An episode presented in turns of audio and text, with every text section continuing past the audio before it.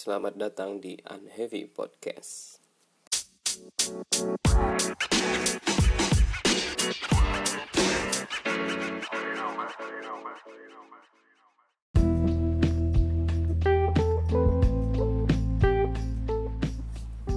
Halo halo, apa kabar semuanya? Ya, mudah-mudahan sehat semua ya, sama bahagia, bahagia atas diri sendiri. Sebelumnya terima kasih udah ngedengerin podcast ini sampai episode kelima. Terima kasih banyak atas supportnya dan partisipasinya sudah mendengarkan Unheavy Podcast. Kali ini aku bakalan ngebahas soal kebiasaan. Kebiasaan atau habit. Ya, kebiasaan ini kayak suatu hal yang sering kita lakukan secara berulang-ulang. Kadangkala kita ini merasa tidak sadar dalam melakukan sesuatu itu gitu. Ya kayak ngecek sosmed gosok gigi sebelum tidur ngerokok habis makan atau ngerapiin tempat tidur. Kayak lagu kita kecil dulu bangun tidur ke terus mandi. Tidak lupa menggosok gigi habis mandi ke tolong ibu membersihkan tempat tidurku lah. Ya gitu. Terus kebiasaan nih kita yang kita lakukan itu itu dalam sah dalam kehidupan kita sehari-hari itu dapat mendefinisikan kita tuh seperti apa orangnya. Ya dari kebiasaan baik dari dari kebiasaan baik yang kita pilih atau yang kita lakukan maupun kebiasaan buruk yang kita lakukan. Itu akan mendefinisikan dan berdampak kepada diri kita gitu. Tergantung ke mana arah dan tujuan yang kita pilih gitu. Nah, di sini aku mention dikit di umuran kita yang 20-an pasti nih ngalamin uh, rasa kebingungan atas belum menemukan tujuan hidup, passion, terus ketertarikan terhadap suatu hal mungkin yang dapat memberikan kebahagiaan kita lebih daripada sebelumnya ya itu sebuah kewajaran sih menurut aku ketika di umur segitu gitu. Kewajaran tapi kan nggak mungkin juga kita bakalan lama di dalam kondisi seperti itu hanya untuk berpikir berpikir. Ya sulit memang untuk bangkit. Karena apa? Karena akan takut. Ya kita ditakuti oleh sebuah kata gimana caranya? Terus dalam menggapai gimana caranya nah ini kita bingung tuh. Aduh gimana ya hmm, aku kalau kayak gini takut ini kalau kayak gini ntar kayak gini. Ya bisa. Ya paham itu. Nah di sini aku bakalan ngasih uh, cara bukan cara sih uh, solusi. Ya dari kebiasaan ini. Dari hal yang kecil mungkin kita dapat ubah memberikan impact yang bakalan besar ke depannya. Nah di sini sebelumnya aku jelasin dulu. Uh, se uh, sebelum bikin podcast ini pasti uh, aku melakukan riset dulu uh, dari buku yang aku baca The Power of Habit karyanya Charles Duhigg itu ada bagian dia menjelaskan tentang yang dilakukan oleh saintis neurologi, saintis dan kognitif. Mereka bilang kebiasaan ini muncul dari pola psikologis. Polanya ini mereka bilang habit loop. Nah, habit loop ini kayak sebuah lingkaran yang saling ya lingkaran yang nggak putus-putus. Terus ada aspek tiga aspek yang ber, yang saling berkesinambungan. Aspek pertama ialah sebuah tanda.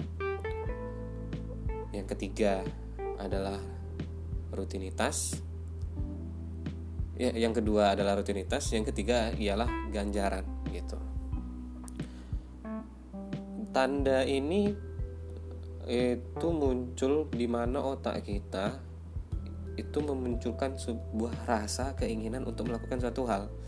Nah, suatu hal ini yaitu rutinitas. Rutinitas, itu akan menghasilkan sebuah tindakan. Setelah tindakan itu selesai, muncullah ganjaran.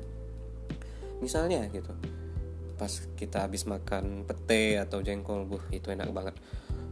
Uh, mulut kita pasti bau, ngerasa tuh, hmm, hmm bau kali nih gitu. Gak enak aku ngomong sama orang mikirnya kayak gitu.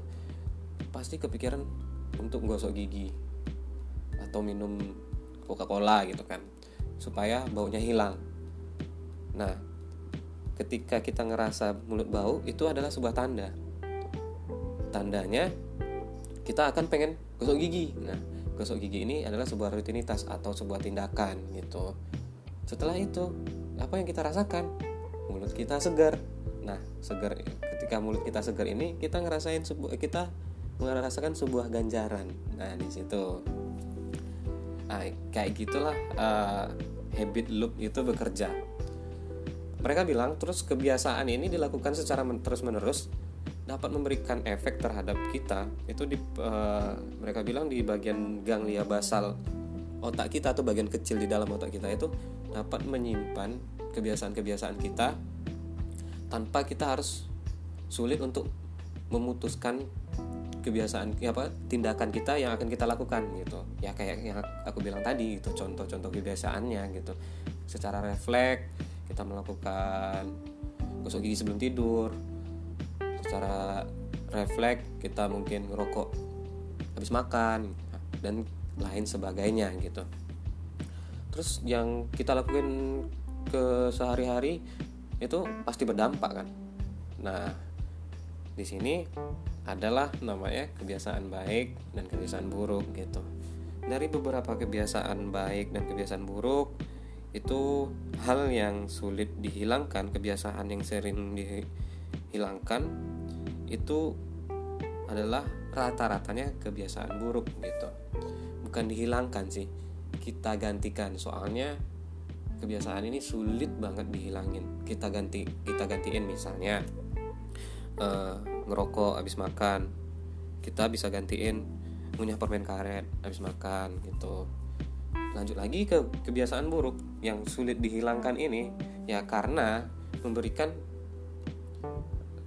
kayak dopamin rilis itu secara cepat dan waktunya sementara. Dopamin ini kayak sebuah zat yang ada di otak kita bukan cuman ngerokok aja sih. Banyak nah, contohnya kita ngecek sosmed setiap saat setiap waktu itu memberikan kita ketenangan.